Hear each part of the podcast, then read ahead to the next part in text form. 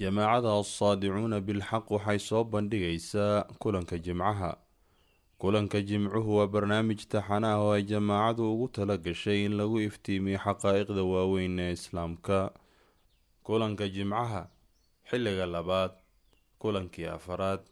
Bismi illaahi araxmaan araxiim alxamdu lilaahi rabi alcaalamiin walcaaqibatu lilmuttaqiin walaa cudwaana ilaa cala aldaalimiin صلى اللهم على محمد وعلى آله وصحبه وسلم أجمعين السلام عليكم ورحمة الله وبركاته daawadayaal kusoo dhowaada waa mar kale iyo barnaamijkeenii kulanka jimcada waxaan kusoo dhex jirnay mowduucii ahaa xaaladda dhabta ah ee ay ku sugan yihiin bulshooyinka maanta caalamul islaami loo yaqaano barnaamijka waxaa igala qeyb galahayay ustaad maxamed cali mire doctor cabdiraxmaan daahir aweys doctor cismaan cabdulla rooble iyo doctor cabdulaahi sheikdoon cabdi. Dhammaantiin soo dhowaada. Xalaqadeennii hore waxaan ka soo hadalnay xaqiiqada waaqaca ay maanta mujtamacaadka caalamulislaami ku nool yihiin iyo mujtamacaadka dhammaantood. Waxaan soo tilmaannay oo aan soo xaqiijinay dhammaantood inay isugu tageen sifada ah inay yihiin mujtamac jaahiliya ayadoon waxba laga soo reebin xataa kuwa islaamka sheeganhaya waxaan ognahay mujtamacaadkan tan iyo markaan indhaha kala qaadnay xaaladdaasay ku dhex jireen wax walboo isbedelay wakhtigu hadduu isbedelo duruufta hadday isbedesho muuqaalada ay mujtamacaadku leeyihiin hadday isbedelaan macnaha xaqiiqada ay ka soo jeedaan oo ay salka ku hayaan isma bedesho marka waxaan rabnaa caawa bal inaad wax ka tilmaantaan mujtamacaadka sidaan noqday bal say ahaayeen berigii ay islaamka hoos harsan hayeen ayagiyo maanta qolo waagaas iyo hadda bal farqiga u dhexeeya kala duwanaashada bal inaad wax nooga tilmaantaan. Waxaa noo bilaabahaya doctor cusmaan soo dhowo bismi illaahi araxmaani iraxiim sidau doctor cabdalla ku bilaabay waxaa la yaab leh ummadda maanta xaaladdaas ay ku sugan tahay la wada og yahay in ay maalin maalmaha ka mid ahayd ummad caalamka dhan iida hogaamisa heybad iyo sumcad ummadaha kaloo dhan ay ka heybaystaan u soo kala tartamaan in ay la heshiiyaan aqoonta iyaga iyada ay u soo doonanayaan cadaalad iyo haddii la yidhaahdo nidaam iyo kala dambeyn iyo qofka meel ixtiraam uu ku helayo xataa dadkii diimaha kala rumaysnaa meesha ay u soo aadayaan ay tahay magacooda iyo sumcaddooda caalamka dhan uu daboolay inay maalin maalmaha ka mid ah sidaas ahaayeen. Haddaba waxaa isweydiin leh markay sidaa noqonayeen maxaa ka dhigay? Wixii ka dhigay waa ognahay markii islaamka uu imaanayay oo jaziira alcarabiya ummadda carabta ah oo qabaa'il carab ahoo aqoon lahayn oo saxraagaas lamadegaanka ku nool ayagoo ah ayaa meeshaa islaamka uu ka qabtay halkaasna u gaarsiiyey.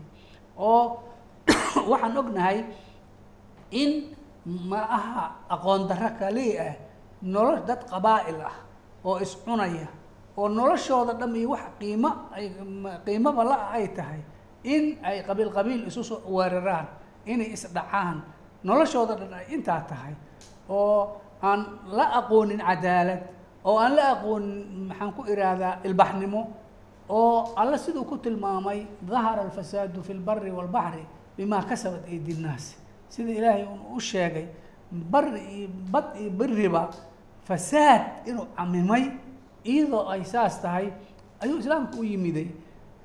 Islaamka weeye waxa sidaa ka dhigay qur'aankaas oo kitaabkii ilaahay ugu talagalay ee bani aadamkan inuu hago markay isu dhiibeen shareecadii islaamkana ay dabaqeen oo ah shareecada ilaahay ugu talagalay bani aadamkan inay kala hagto jaa noloshooda qeyb kastoo ka mid ah nidaamka ugu fiican in maaragtay ay ku hagto.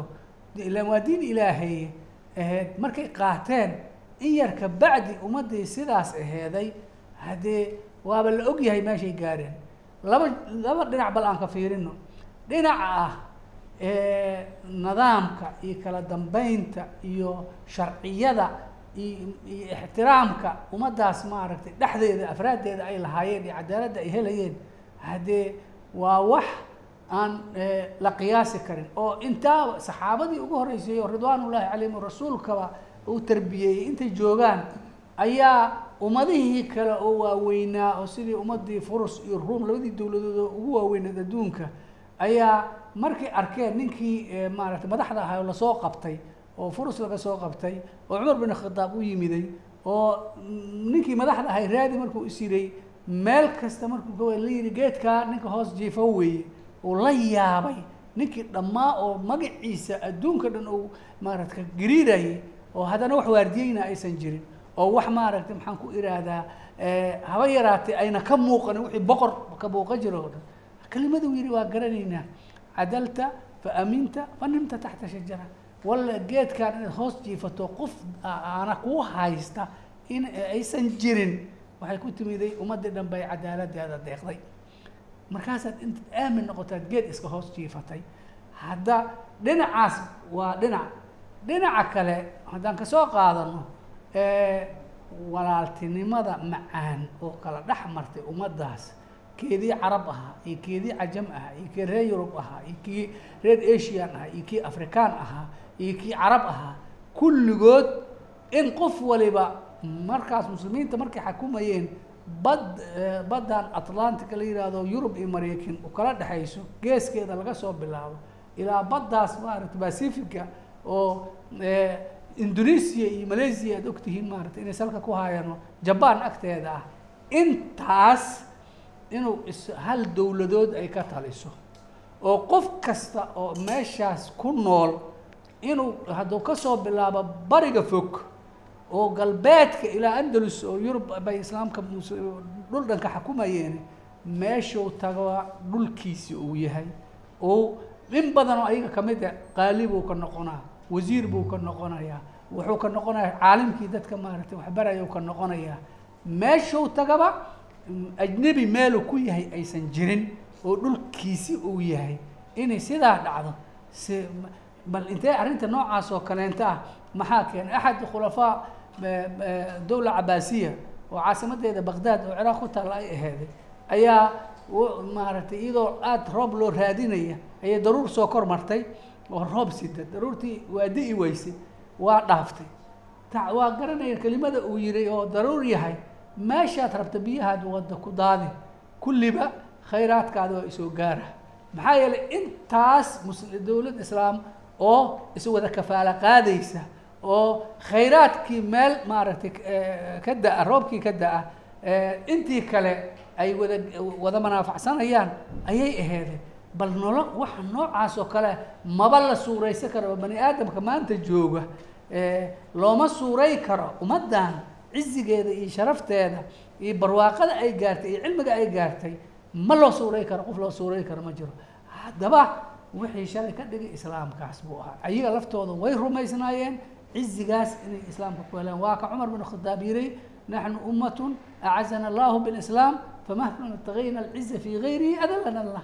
Waroy waxa ilaahay islaamkaasuu nagu ciziyey. Ee cizigaas haddaan meel kale ka raadino dulli baana qabsanaya ummaddii marka saas ahayd nasiib xumada bani aadamka oo dhan ku dhacday waxay noqotay shareecadii islaamkaoo sidaa loo wada horsa loo harsanayay oo intaa u keentay maalintii inta la tuuray sharciyo kale iyo qawaaniin kale iyo nudum kale oo aan ilaahay diintiisa ahayn ummaddii islaamka sheeganaysay laftirkeedii inta loo keenay gaaladii qabsatay ay u keentay ayagana ay aqbaleen ay shareecadooda ku bedeleen ayaa dulligaas qabsaday marka saddexdan bal shay isdaba dhig isbarbar dhig shalay qabla alislaam siday ahaayeen. Oo midaan sheegayna intii islaamka la isku dhaqayna siday ahaayeen. Iyo maanta markay islaamkoodii ka tageen waa ogtihiin inta lakala qoqobay. Ay qolo kasta meel yar lagu ooday. Ayay dulli iyo ahaano wax miisaan oo adduunka kuleeyihin aysan jirin. Saddexdaas suuradood bal adigo isdhinac dhig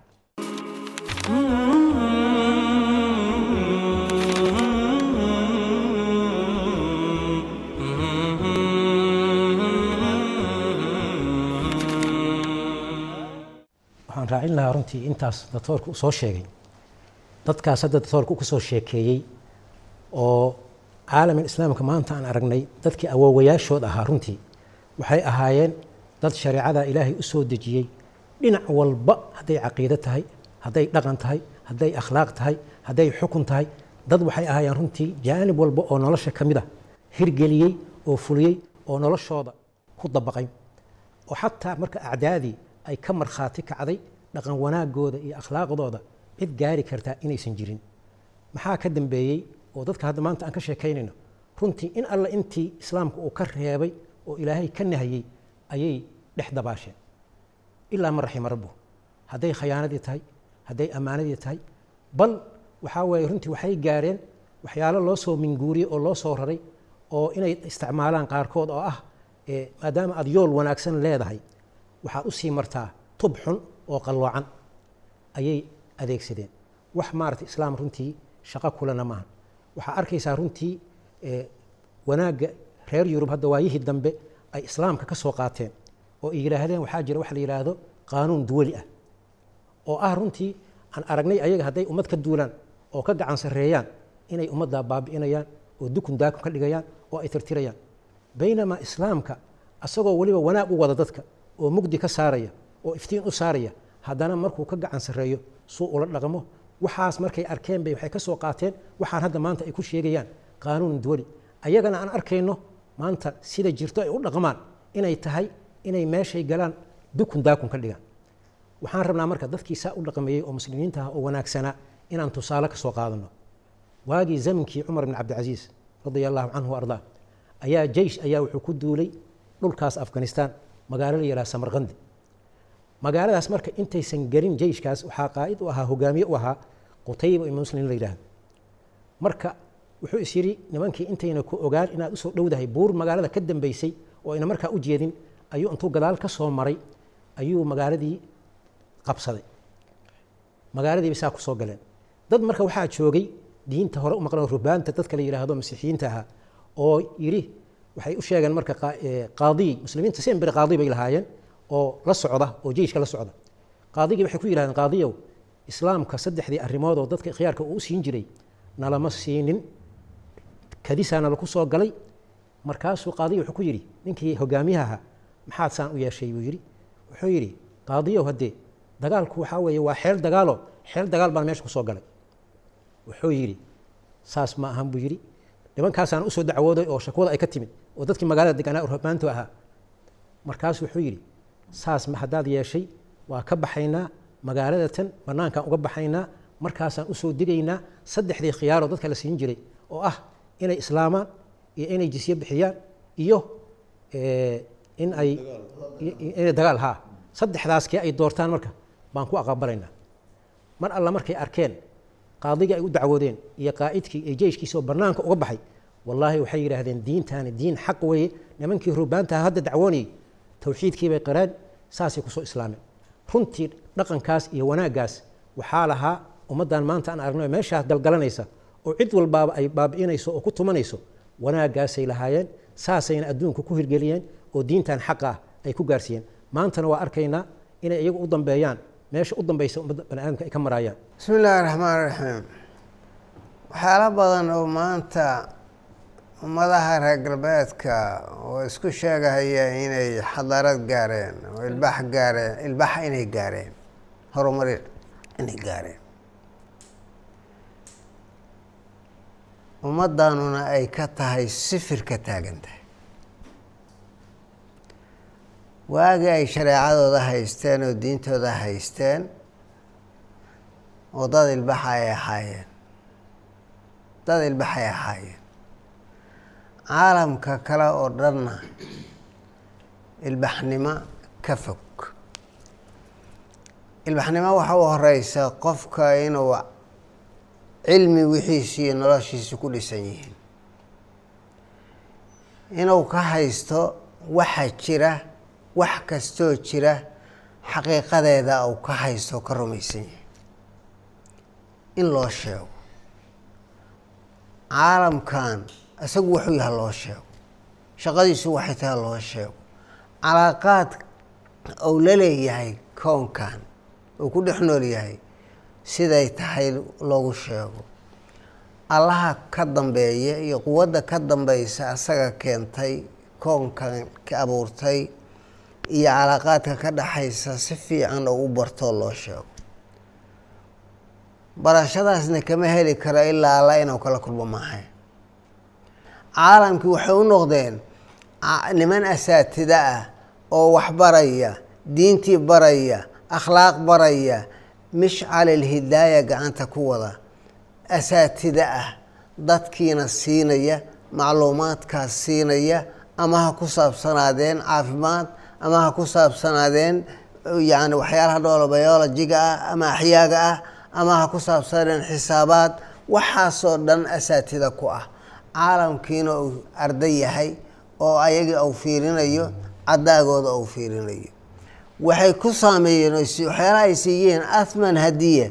Hadiye midda ugu qaalisan ayay bixiyeen oo reer galbeed siiyeen oo caalam insaaniyadoo dhan ay siiyeen taasina waxay ahayd dariiqada baxhiga cilmiga oo saxiixa ah oo ah wax kastoo macluumaadoo qofku uu ogaado inuu tijaabiyo inuu tijaabogeliyo inay sax tahay wuxuu akhriyo fikradoo la sheego ama uu meel uu ku arko ama asaga ku soo dhaca inuu tijaabiyo taas maaragtay waxaa weeye ayaana qarbigu iyo reer galbeedku ka qaateen yurub ka qaadatay waxyaalahan ikhtishaafaadkan ay ka gaareen caalamkan oo caalam muuqda samaawaadka ay ka muuqdeen fiisiyaa-iyan ay u gaareen kiimiyaa-iyan ay u gaareen xisaab ahaan ay u gaareen waxaasoo dhan waxaa weeye waxay ka qaateen muslimiintay ka qaateen.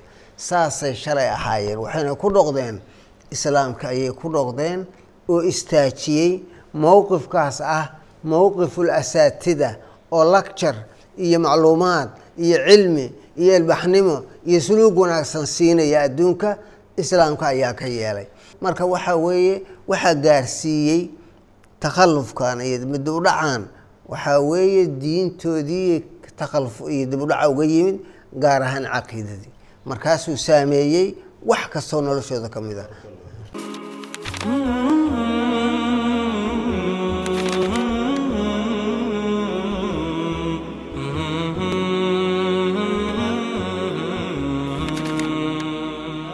Bismi illaahi raxmaan warkay soo ka soo hadleen gaar ahaan doctor cabdiraxmaan waxaan ku dari lahaa. Sideedaba ummaddan saan u jeedno ood wada sheegteen waxaa ku dhacay dib u dhac weyn baa ku dhacay. Dib u dhacaas maanta wuxuu gaarsiisan yahay heer qolo walba haweysato bani aadamka dadkii ugu liitay xataa ay haweystaan oo ay noqdaan meel muxuu ahaa wax alla wixii laga rabo laga samaysto. Cad iska bisil oo meel yaalla. Maanta qof walba waa ogyahay ama ha ka markhaati kaco ama ha qariyo qof walba waa ogyahay maxaa halkaa gaarsiiyey? Walaal baa sheegay waxaa gaarsiiyey. Shalay say ahaayeen ummaddan saana oo u dulleysan oo u ihaanaysan oo u daciifsan. Maantay oo caalamul islaami lagu magacaabo maantay meesha ay joogaan qof walbaaba oo meesha ku ogyahay shalay say ahaayeen. Shalay waxay ahaayeen. Sida walaalaha soo sheegeen ummad aqwiye ah xagga ciidanka qolo aan loo dhowaan karin oon agtooda la geli karin oo maantay markii muxuu ahaa ciidamadooda badda ay marayaan meelahaas yurubta iyo dadka hadda maanta isqaadqaadaya ay joogaan markay marayaan kanaa-istooda waa la demin jiray. Jarskaas si aanan dadka muslimiinta aysan u maqal baalka ay yeerinayaan waa la demin jiray. Zam si aan qoladan loo iscaajin oo qoladan u xanaaqin ilaa ninkaa xoog badan hortaa oo xanaaqaa baa layihi marka halkaas bay joogeen bal waxay gaareen muxuu ahaa wakhtiyaalka xataa ugu horreeya aan mithaal u soo qaadano ninka la yidhaahdo khaalid bin ulwaliid ayaa kisra warqad u diray boqorkii wuxuu ahaa farisiinta ayuu ahaa. Warqad buu u diro wuxuu yidhi wanin yahow waxaan soo socdaa jiishaan soo wataa oo jecel mowdka sida aada nolosha u jeceshihiin. Aslim taslam haddii kalayto oo macnaha maxay tahay aslim taslam? Islaam aada nabadgesh nabadgeshide aada nabad heshide islaam sidaasuu yiri. Haddii kale waxaan soo wataa ciidan oo jecel mowdka iyo dhimashada sida aada nolosha u jeceshihiin. Halkaa markii risaaladii soo gaartay ayuu wuxuu u diray warqad boqorkii china ayuu u diray markaasuu wuxuu yihi niyahu madad iyo gurmadaan kaa rabaa ciidan baan kaa rabaa.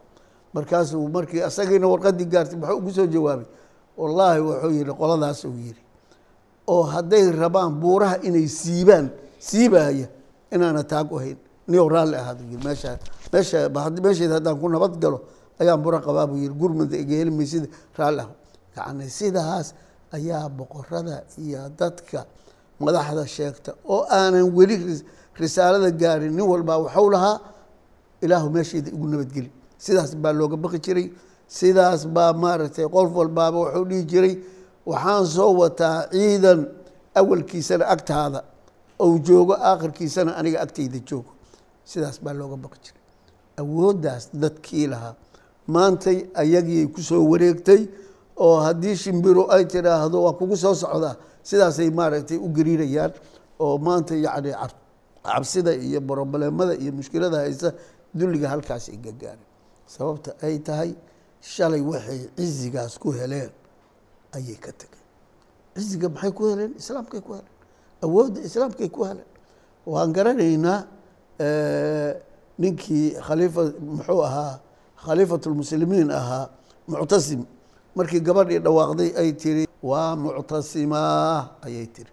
Tii markuu maqlay buu yihi labeyk waa ku ajiibay ciidan buu diyaariyey ciidankii uu diyaariyey. Waxaan garanaynaa inuu garaacay bilaadi ruum. Asagaa hogaamiyey malagaalo aan weligeed la gelin lagana geli karin oo la yidhaahdo camuriya ayaa la cumuriya la yidhaahdo magaaladaas waxay ahayd xisnil xasiin meesha ugu adag oo qalcadda ay ku faanaan oo ay is yidhaahdeen qolo idiin soo geli karta male halkii buu ka bilaabay. Dadka muslimiinta awoodooda shalay sidaas bay ahayd sidaas baa looga baqi jiray. Bal intaas keliya maahane mithaal kale haddaan soo qaadano waxaa weeye bilmithaal yatadix maqaala la yihi warka la sheegaya mithaal ku cadaada waxaa dhacdayaa la yihi sulaymaan alqanuuni ninkii muxuu ahaa ka mid ahaa khilaafadii cuhmaaniyiinta ayaa waxaa dhacday in loo keenay faransiiska meliki faransa wuxuu baneeyey in gabdhaha iyo ragga la iska hor keenay raqsi ay sameeyaan ayuu baneeyey. Halkiisuu joogaa. Markaasuu wuxuu yihi warkaasi ay soo gaar risaalo u qoray. Haddii aadan joojinuu yihi meeshaadaan kuugu imaanayaa adiga iyo waxaad haysatana baabah baan ka dhigaya. Waxaa la yihi faransa raqsiga dadka yurub ugu daran waa la ogyahay hadda maanta caalam muxuu ahaa algarbi meelaha ugu daran oo ugu falxumada badan wey miati caamin ayay joogsay min dalika alxiin. Ilaa islaamkii uu ka baxay meesha miata caamin raqsi ma samayn boqol sano ma aysan samayn baa awoodda islaamka sidaasaa looga heybeysan jiray. Awooddoodu sidaas bay ahayd. Muxuu ahaa sida warkii cumar muxuu bin oo walaalkeen soo qaatay kunaa adilaa faacazana allahu bilislaam faida btagaynaa alcizata ha haddii aan ka dalabno awood ilaahay keyrkiisa ilaahay baa na dullaynaya maantay caalamulislaami wuxuu cizi ka dalbay inuu u dhowaado nimankii shalay adilada ahaa inuu ugu sii dhowaado ilaahay baa dulleeyey dulligii baa ku dhacday ihaanadii baa ku dhacday haddi ilaahay wuxuu yihi walilaahi alcizatu walirasuulihi walilmu'miniina walaakina almunaafiqiina laa yaclamuun ha ma garanayaan maantay dilliga iyo ahaanada meesha ay dadkaa uga timid oo maantay qof walbaaba oo fariise u yahay oo qof walbaaba haweysanayo waxaa weeye waa islaamkay ka tageen waxay shal ciziga ku heleen ayagoon waxba ahayn ayagoon caalamka laga aqoon baa ilaahay kitaabkan u soo dejiyey kitaabkii baa cizi siiyey way qaateen. Ciziga qof cizi helaya adduunka ma jiro ilaa qof ilaahay subxaanahu watacaala maxaa yeele ilahay baa ciziga iskale bilah towfiq baaraka allah fiikum. Daawadayaal saad u jeedaan mujtamacaadka ama bulshooyinka caalam alislaami waxaan u malaynhayaa cid ay wax sheeg uga baahan yihiin oo caqli lihi ma jirto waxa ay ku sugan yihiin meel ay u tirsan yihiin iyo meel ay ka xisaaban yihiin iyo qiimi ay leeyihiin ma jirto. Waxaana ognahay dad badani inay dadka ugu yeerahayaan haddii cizi iyo wanaag la rabo reer galbeedka ha lagu daydo. Xalaqadan muhiimaddeedu waxa weeye sidani ma aha sidii islaamku uu ahaa. Xaqiiqadii islaamku waa taa laga soo warramay. Hadday noqon lahayd xagga akhlaaqda hadday noqon lahayd xagga caqiidada hadday noqon lahayd xagga aqoonta hadday noqon lahayd xagga ciidamada iyo awoodda inay ahaan jireen macnaha meesha ugu sarraysa. Waxyaalaha maanta reer galbeedka lagu ammaano waxaa ka mid ah inay dadkooda ka walwalaan oo haddii qof ayaga ka mida meel lagu qabsado dowlad dhan ay soo dhaqaaqayso. Waxaadna arkayseen mithaalkii gabar la afduubay ee khaliifadii u dhawaaqatay markii la afduubahay waa muctasamaa. oo macnaheedu tahay war muctasamow yacni inuu asaga naftiisii ciidanka inta hogaamiyey bartii lala aaday uu ka soo furtay nimankii furtay inuu edo baray. Marka yacni awooddaas iyo cizigaas buu islaamku lahaa. Maanta marka suuradda taallaahe ma aha suurad islaamka calaaqo la lehe waa suurad ka tegiddii islaamka ku timid waaye waana macnaha aan rabno inay dadku fahmaan oo ah dadkan xaggayla ay yihiin. Maxay tahay mushkiladdu dad badan baa waxay u howlgaleen inay dulliga iyo islaamka isku xiraan oo ay yidhaahaan mushkiladduba waa islaamka si marka loo wanaagsanaado marka xagga ha la aado. Arrintuna sidaa may ahee waxaa weeye cizigii caqiidadii dhalisay alla ku-xirnaantii ciziga dhalisay bay dadku ka tageen. Idan ilaahay baa dulli madaxa u saaray. Si kaley uga bixi karaana ma jirto ilaa inay allihii subxaanahu watacaala u laabtaan mooye. Waana midaas macnaha dacwada aan wadnahay ay ku qotomtoo ah war dadkani hadday rabaan inay adduunkanna wax ku yeeshaan aakharana wax ku yeeshaan allihii abuurtay ha u noqdeen raalli ahaanshihiisa ha raadiyeen halkaasaa cizigii iyo awooddii ay jirtaan shareecadiisii iyo diintiisii markay u noqdaan. Waana meesha la tilmaamay oo ah awooddan arkaysaan iyo cilmiguba xaggey ka yimideen. Waa ku dhaqanka shareecada ilaahay subxaanahu watacaala sababtoo ayadaa dadka tilmaamaysa ayadaa dadka tawjiihinaysa.